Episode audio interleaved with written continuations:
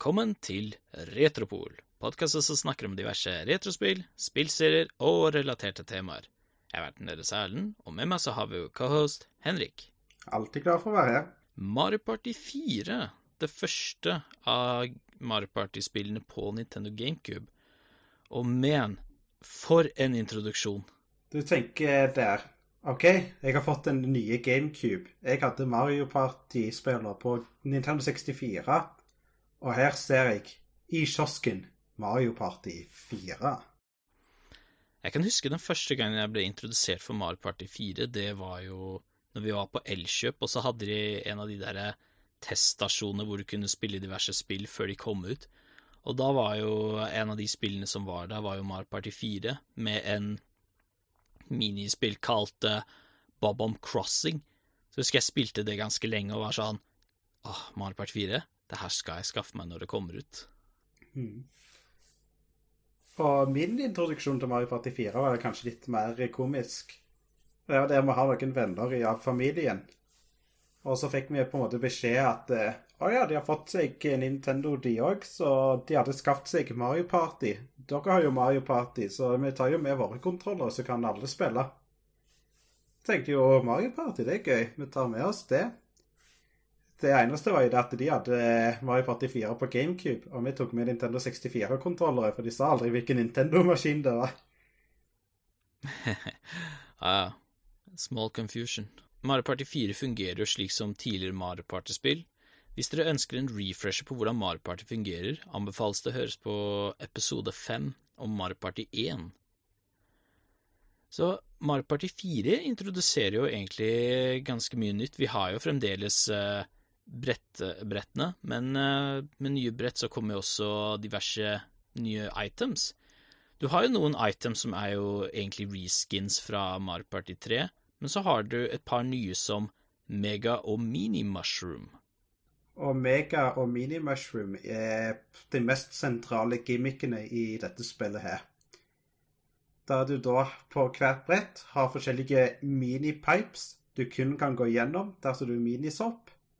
Og så har du da større brett som da gjør at du kan bruke megasopp til å gå flere felt med at du ruller to eller tre terninger, avhengig av hvilken megasopp du har.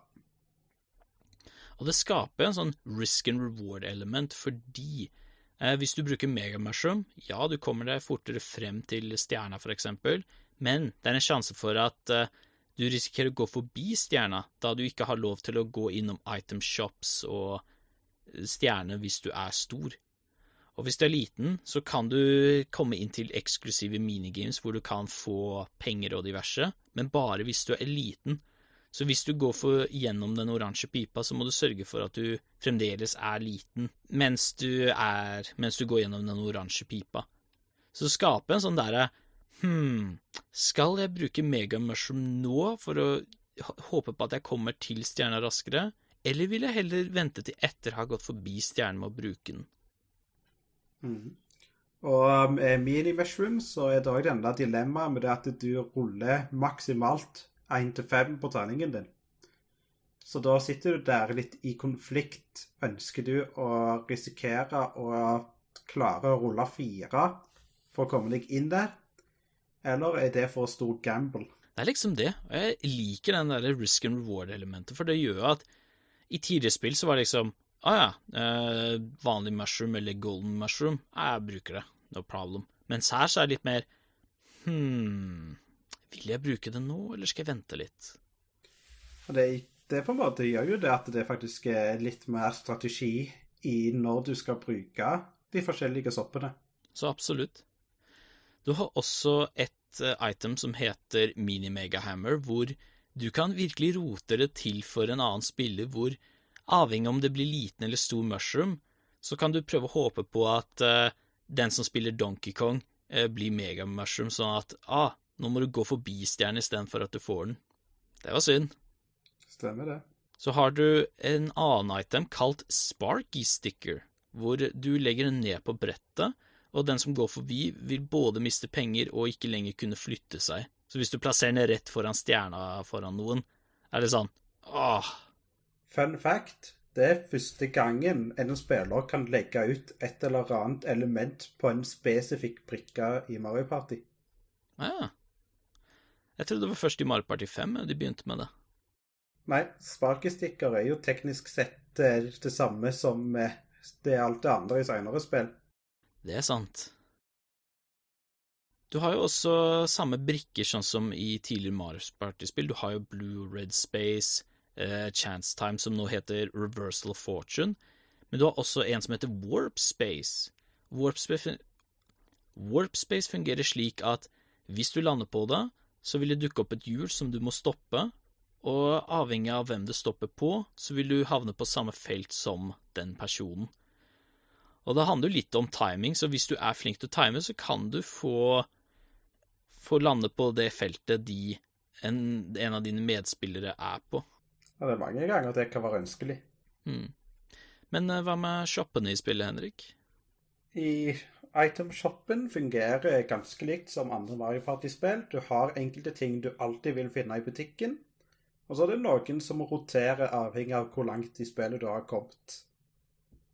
Du kan kun kjøpe et item per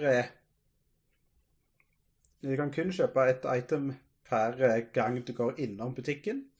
Så gjør at du må være litt mer omtenksom på hva du kjøper. Samtidig, på brettet så vil du finne mange felt som gir deg enten valget mellom en mega eller mini-mushroom, basert på om du velger den store eller liten eska, men hva som er i hvilken eske, vet du ikke før du på en måte har valgt. Så i butikken så er det mulighet til å kjøpe den soppen du trenger, men som regel så kjøper du heller noe annet du ikke kan finne ute på brettet. Du har også en uh, shop som ikke kom uh, i senere spill, nemlig The Lottery Shop. Det finnes et lotteri på Det finnes minst ett lotteri på hver bane. Og lotteributikken gir deg da muligheten til å betale fem mynter for å delta i et lotteri. Det finnes to typer lotteri, der den ene baserer seg på å spinne et hjul der det kommer opp en kule ut. Fargen baserer seg på hvilken pris du vil få, der du da har hvit, som er tap, du får ingenting. Blå, som gir deg eh, et item. Og så er det to andre farger. En som gir deg 30 mynter, og en som gir deg 100 mynter. Det andre er at du får utdelt ganske mange scratch ticket, der du da bestemmer deg for en av de scratch tickene du velger. Dersom du da er heldig med valget ditt, så kan du få et item, 30 mynter eller 100 mynter. Det er jo Selv om det ikke er en sjanse for at du vinner, så er det noen ganger allikevel verdt å ta turen. For det er jo Igjen, det er jo den der store gamblingen på at kan jeg få 100 mynter nå, eller kan jeg få et item jeg trenger? Vi har jo også Men Mario Party er jo ikke Mario Party uten uh, brett. Mario Party 4 har seks forskjellige brett, der fem er unlocka fra starten. Der den sjette låses opp dersom du har kommet et visst lengde i story mode. Alle de fem badene deler én tematikk, og det er det at spillet story mode-messig tar plass på Party Cube. Så alle Brettene befinner seg innenfor en kvadratisk ramme, der du alt innenfor dette her er tematisert. Henrik har da valgt å ta for oss én bane hver, så vi kan begynne med Henrik. Og den banen jeg tenker å snakke om, er Toads Midway Madness. Dette er da tematisert rundt en fornøyelsespark, der du da har to sentrale gimmicks. Der den ene er sånn nesten snurrekopp, som du kan da gå til én eller en annen plass, avhengig av hvilken vei pilen velger. Og så har du en berg-og-dal-bane der vognen vil jage deg til én ende av berg-og-dal-banen, eller til den andre enden av berg-og-dal-banen, basert på hvilken side den vognen befinner seg på. Det var også noen tekoppkaruseller hvor, avhengig av eh, hvem som kommer dit først eller etterpå, så vil den føre deg enten eh, til, Den vil føre deg til et område hvor pila peker. Og det er veldig fort gjort å hvis, du er, eh, hvis ikke du planlegger godt nok, så kan du risikere å måtte gå i en loop i det samme området igjen og igjen og igjen. Til slutt bare sitter der sånn Ja, kan jeg være så snill å få lov til å bare komme meg videre? Ja, det er kanskje den største svakheten med den banen der, for eh, Den skifter jo annenhver gang hvilken retning den går. Så i første omgang så vil to gå over til den neste siden, mens to må fortsette i loopen i starten. Og av de to så vil ene kunne gå ut av den loopen, mens den ene må en, enda en runde rundt loopen før den kan komme ut. Så det alltid vil være den ene personen som er stuck fem runder i den loopen der, før det i hele tatt kommer seg ut. Og fem runder føles ut som en evighet i en 20-runderspill. Ellers så er det ganske koselig musikk, og da får det sånn tivolistemning som gjør ganske mye ut av at det føles ut som et tivoli. Med at bakgrunnen har massevis av forskjellige ting du vil se på banen, bl.a. et bevegende tog i bakgrunnen, og alle de andre små minigamene som ofte relaterer til forskjellige ting du ville finne på et fornøyelsespark. Mm. Den banen jeg har valgt å ta for meg, er ikke den som er nødvendigvis min favoritt, for det er jo Booze Haunted Bash, men det er en av de mer gjenkjennelige brettene i dette spillet, nemlig Gumbas Greedy Gala.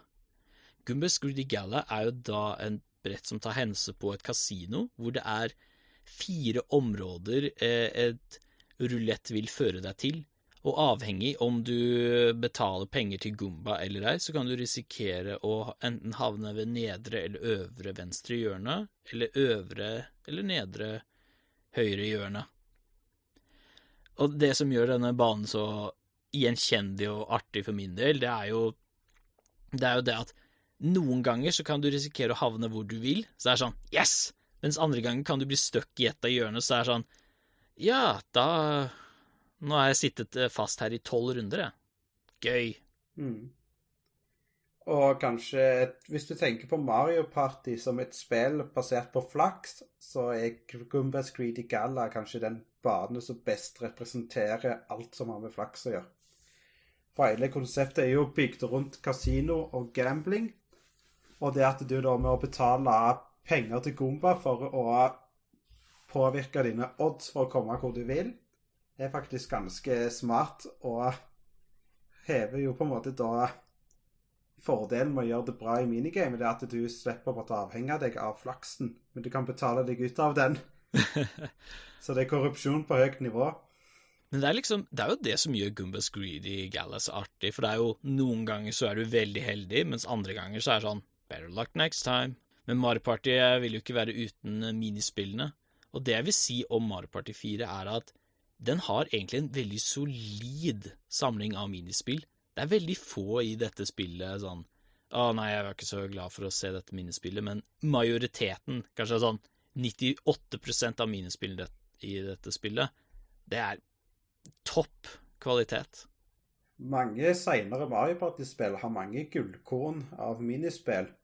Men hvis du skal se på den komplette samlingen, så vil jeg si Mario Party 4 har den beste totalen med unntak av eh, Mario Party Top 100, men Nei, Mario Party Superstars. Men som igjen tar alle de beste minigamene fra tidligere spill. Henrik har da valgt å ta for oss ett minispill hver fra hver kategori. Vi har jo som vanlig fire player, én mot tre, to mot to og battle minigames.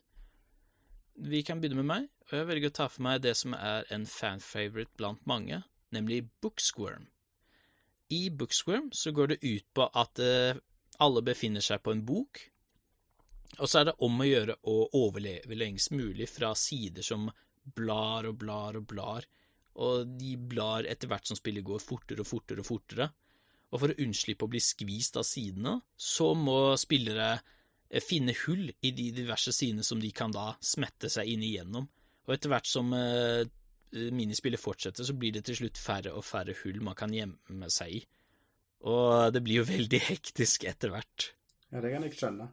Og det er jo det der konkurransen med å gå til samme hull som andre, holde deg for deg sjøl, og prøve å finne ut hvor det neste kommer så fort som mulig, så gjør at du må være på i fullt gir hele veien.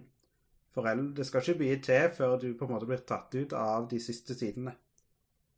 Det blir jo veldig hektisk når du har sånn Du har funnet et hull, men så kommer alle de andre mot deg, så er det sånn ah, Flytt deg! Dette er mitt hull! Vekk!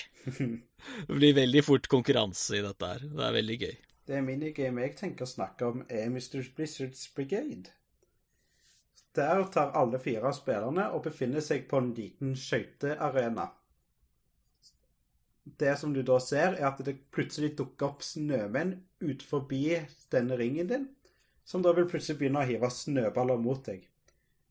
Du må da unngå å bli truffet av de snøballene, for dersom du blir truffet, så blir det gjort om til is, og du er ute av spillet. Siste mann til å overleve, eller dersom flere overlever til tiden er slutt, vinner. Det som på en måte er interessant med dette her, er jo det at det blir mer og mer utfordrende jo lenger ut i spillet du kommer. Med at det kommer stadig flere snømenn, før det til slutt da kommer store snømenn som begynner å hive sine store, gigantiske snøballer som tar store deler av området. Det som er viktig å følge med på, er hvor snømannene ser. For snømannen vil tracke én spiller hoppe i den retningen spilleren er i det sekundet den befinner seg på en plass, og hive snøball i den retningen. Så det gjelder å følge hele veien med på hvor snømennene står, og hvor de kommer til å hive. Og samtidig så gjelder det å ha reaksjonsevne til å kunne dukke unna snøballer som plutselig kommer mot deg. Dette er jo et survival-spill med multitasking implementert, for det er liksom ikke nok å bare følge med på hvor du selv er og hvor snøballene kommer. Men det handler mye om eh, å følge med på hvor er det snømennene kommer til å kaste neste gang.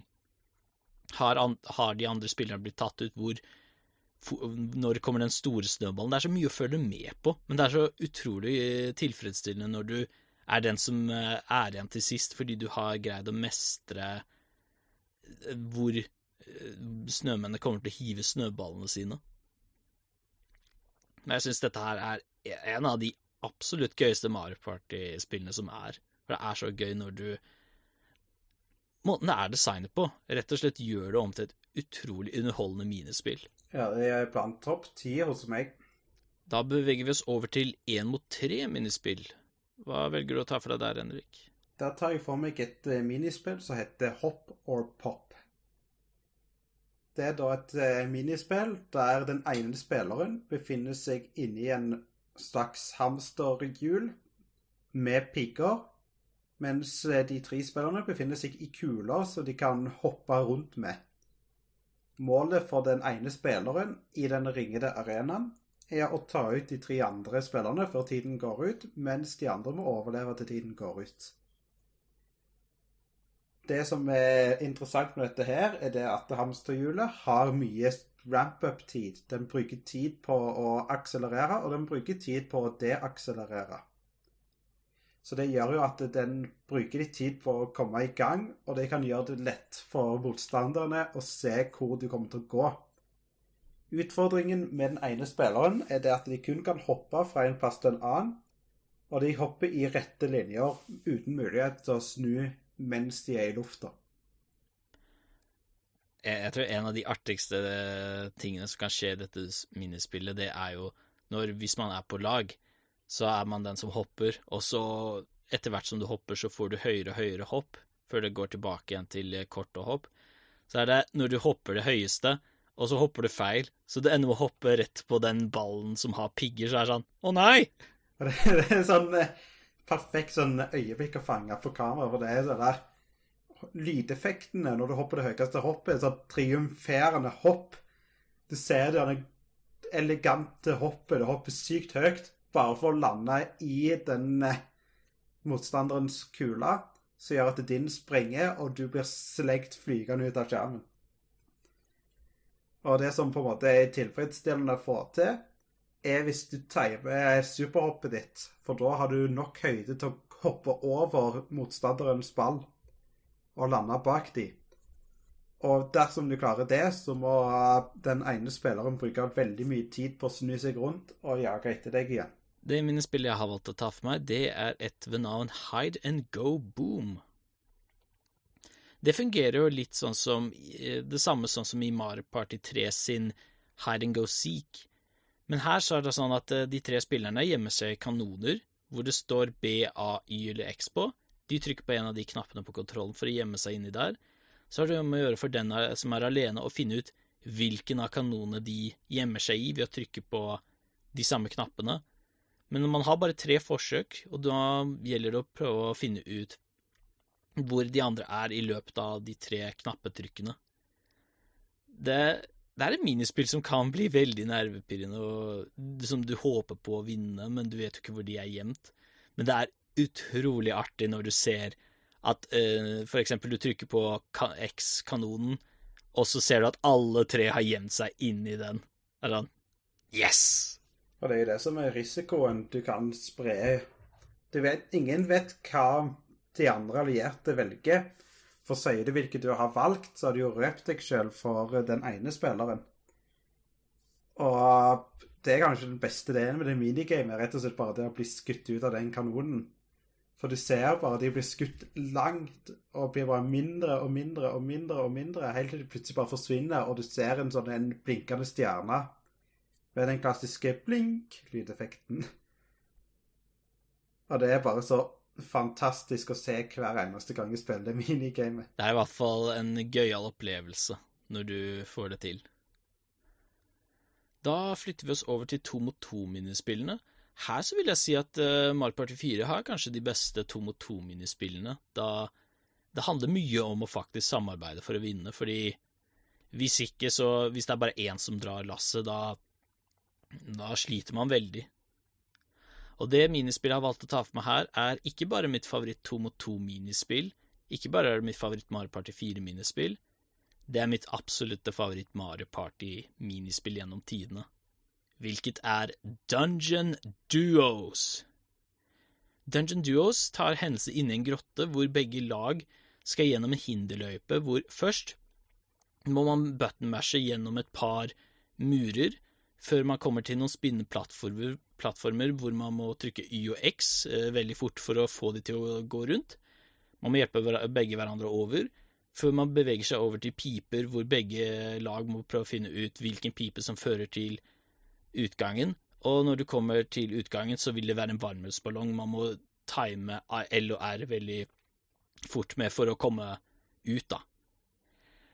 Jeg vil si at Dungeon Duos, det som gjør den her om til min absolutte favorittminispill, det er at den kombinerer alle elementene i Mario Party til ett minispill. Det er skill, luck, timing, button mashing, teamwork og et hektisk bra soundtrack attpåtil. Ja, det finnes veldig få minigames som kommer på samme nivå som denne her. Og den er alltid gøy å spille, så det blir eh, Kommer den, så er det nesten et lite jubel. Og den kan være skikkelig intens dersom begge vet hva de skal gjøre, og begge er like gode på alle elementene. For da er det closed, og begge to kommer til den ballongpumpen helt i slutten, og gjør sitt beste på den timingen der. Og du ser ballongene like store på hver ende, så hvem kommer til å vinne? Det er et minispill jeg rett og slett bare aldri blir lei av. Jeg blir alltid glad for å se den her. De gangene vi spiller Mario Party, Mario Party 4, og den ikke dukker opp, så er det litt sånn Ah. Så det minigame jeg snakker om, er kanskje litt mindre spektakulært. Men det betyr ikke at det ikke kan være intenst likevel. Og det er reverserbomb. bomb. Reverse bomb fungerer med at du har seks eh, rader, der du da ser på bomb komme. Tre av de vil gå i retning øst, mens tre av de vil gå i retning vest, mot da de to lagene, der blått lag befinner seg på den ene siden og rødt befinner seg på den andre. Det som er målet da, er det at du ser en knapp på hver kolonne som lyser opp. Dersom knappen på din side lyser opp, betyr det at bomba er på vei mot deg. Du må trykke på den knappen, og bomba snur retning og går mot motstanderen. Målet er jo å sørge for at bomba når enden av motstanderens felt, og sprenger sånn at de mister et liv. Begge lag har ti liv, og førstemann som mister alle sine ti liv, taper. Mm. Det, er et, det, er jo slik som med Mario Party-spillet vi har snakket om, at uh, det er jo en av de som også er veldig hektisk. En anbefaling her er at man deler opp sånn at La oss si for eksempel Henrik og jeg var på lag, da. Da er det sånn OK, Henrik, du tar ansvar for de tre øverste knappene, så tar jeg ansvar for de tre nederste. For da blir det ikke det derre kaoset med ah, hvem er det som gjør hvilke knapper? Ja, det er det som er strategien. Og så det andre som egentlig er å følge med på hvor motstanderne går. For ser du hvor de går, så har du mulighet til å kunne gjøre dine trekk ut ifra hva de gjør. Og det gjelder på en måte å kunne være ett skritt foran det motstanderen din gjør. Og det avhenger veldig av at du leser alle de trekkbevegelsene de gjør, samtidig så du følger med på hvor bombene befinner seg. Det gjelder på en måte å ta de som har mest sannsynlig for å ta ut motstanderen, og så gjelder det å sørge for at du ikke mister noen. Men dersom du da mister en bombe, så må du holde deg vekke fra der bomba sprenger, for den stønner deg. Og hvis du er stønna, så mister du fort kontrollen. Det er, det er veldig intenst når for eksempel du Du prøver å ta ansvar for dine bomber, men så ser du at det kommer sånn haugevis av bomboms mot deg, så er det sånn Å, å hvilke knapper? Å, skynd deg, skynd deg. Ah, nei! Rekker det ikke. Ja, det gjelder jo på en måte å dominere nesten i dette her. Dominerer du, så vinner du. Så den er jo Gjelder å få den tidlige kontrollen så fort som mulig. Så absolutt. Da er vi over på battle minigames. Jeg tenker å snakke om Bowsers Bigger Blast. Bowsers Bigger Blast er da en ny versjon av eh, Bowsers Big Blast som kom fra Mario Party 2. Minigamet fungerer med at du har fem brytere som er kobla opp mot en Bowser-ballong. Velger du den ene bryteren som aktiverer Bowser-ballongen, så vil den sprenge, og du er ute av spillet. Førstemann velger da mellom fem knapper og har da størst odds for å velge det som er riktig. Dersom de velger rette, så vil nestemann bak førstemann være den som går opp på podiet og presser den neste bryteren. Denne har da bare fire å velge mellom, så oddsen for at den velger den som velger den feil, er nå mye større. Og sånn fortsetter det til sistemann, som da har en 50-50 sjanse for å ryke. Dersom da én velger den som aktiverer baserballongen, så vil det plutselig bli tre personer igjen. Som da må konkurrere med fire brytere. Når det er to personer igjen, så er det tre brytere. Sistemann som eh, lever, vinner. Mm. Det er jo egentlig en av de Selv om Bowsers Biggle ikke gjør noe sånn drastiske forandringer, så er det liksom et klassisk tilfelle av If it ain't broke, don't fix it. Det er jo som sagt det som er Alt av dette her er jo flaks og sannsynlighet, egentlig. Oddsen er alltid på din side om du starter, men det er alltid du som velger først, og da dermed er den første som kan potensielt velge feil. Så det er alltid nervepirrende, for det, det her er et battle minigame. Og det vil si at du konkurrerer om penger som du måtte betale i potten. Og det gjør det enda mer intenst. For du ønsker ikke å miste alle de pengene dine. Nei, ikke sant. Og det gjør jo òg at det, det, bare gjør alt dette mye mer nervepirrende. Og bare fungerer veldig bra rundt det konseptet der. Snakk om nervepirrende, så har jeg valgt enda en sånn type survival-type minispill. Og det er Change Jump Fever. I Change Jump Fever så er det om å gjøre å unngå å bli tatt av en change jump på en uh, arena som tar hensyn inni en vulkan. Og det er sånn at change jumpen vil da velge tilfeldig hvem den velger å løpe mot.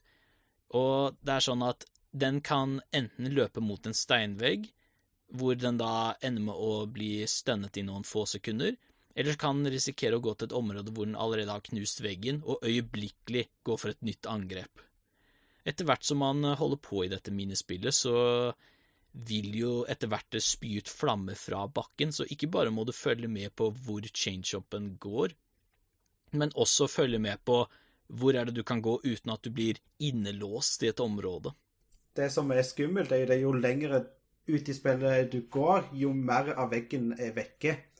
Og med en gang Change-jumpen treffer kanten på arenaen der det ikke er en vegg, så vil han jo umiddelbart starte et nytt angrep. Kombinert med at du kan dette ut av arenaen, gjør det ekstremt skummelt mot slutten. For du har ekstremt mye mindre tid på å reagere, og det er så mange flere områder du kan gjøre feil. Ja, så det, det er jo et sånt minispill som blir veldig hektisk, og det er, det er det jeg liker med den. Det er liksom Du må bare følge med, altså. Du kan liksom ikke slappe av i et sekund. Det gjelder bare å liksom være obs hele tiden. Ja, det er bare så gøy å klare å være den som vinner det der. Andre ting som er verdt å nevne med Mark Party 4, er jo at uh, mye av det jeg liker med spillet, er jo at den har egentlig ganske mye bra extra content. Du har jo minigame mode, hvor du bare spiller diverse minigames. Men det tilbyr jo egentlig forskjellige spillestiler, ikke bare at du bare har free play mode, hvor du bare velger noen minispill, og så liksom that's it. Du har liksom turneringer og to mot, kun to mot to-minispill og diverse. Men så har du også en kalt e, The Extra Room, hvor Womp og Thwomp er hostede, hvor du da enten kan spille minigames med, eller, med andre eller alene. Og det er jo her du vil finne ting som Bob-Omb Crossing, som nevnt i starten av episoden, og andre minispill sånn som Beach Volley Folly og Challenge Book Squirm. Ja, det er bare sånn eh, mer content som er kjekt for singleplayer. Det er aldri dumt, det. Ellers så har dette spillet òg en story mode som er like så simpelt og nonsensical som mange andre. Men samtidig så er den ganske kul med det at du har unike minigame der du da fungerer som bosskamper mot hver av hostene du spiller mot. Inkludert en nokså decent siste boss. Ja. Det er ikke så ille sånn single player minigames, kan man si. Har, du Henrik, jeg har jo tidligere nevnt at uh, Mario Party 1 er jo mitt uh, favoritt-soundtrack uh, i serien, men Mario Party 4 er en close second. Og jeg føler det er er nesten det Mario Party-spillet som var det siste som hadde et så bra komplett score. For seinere Mario Party-spill hadde en god del gode soundtracks, så jeg liker veldig godt uh, musikken i Mario Party 9. Men det var bare noe med Mario Party 4 som bare føltes så perfekt ut for det spillet. Altså, Mario Party Hvis jeg skal beskrive soundtracket med ett ord, så må det være liv. Det er så mye liv og energi i eh, soundtracket. Det er liksom I minispill sånn som Dungeon Duo, som høres veldig hektisk ut, da merker jeg at jeg blir mye mer engasjert i å spille minispillet. Det er liksom Stemningen og måten musikken er komponert på for hele soundtracket, er liksom Ah, det er så solid! Et par nevneverdige låter er jo sånn som The Extra Room, eh, musikken som spilles av før du begynner med party mode, og Victory-themen for et minispill. Når du hører den der minigame Victory-themen, det er sånn Yes! Og det på en måte veier veldig opp for banene, så kanskje er noe av det som er litt mer kritisk til. For Altså, jeg liker jo baner sånn som Goombas Greedy Gala, Boo's Haunted Bash og Koopas Seaside Ree, Koopas Seaside Sorry, men sånn Jeg tror det har noe med at fordi banene har liksom den samme grid-systemet, hvordan de er designet på, gjør at de egentlig bare føles like ut, bare med forskjellig design.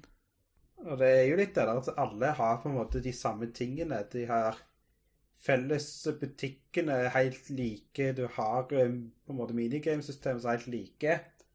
Så det er sånn alle på en måte designer ut av f.eks. et legosett, kan du nesten si.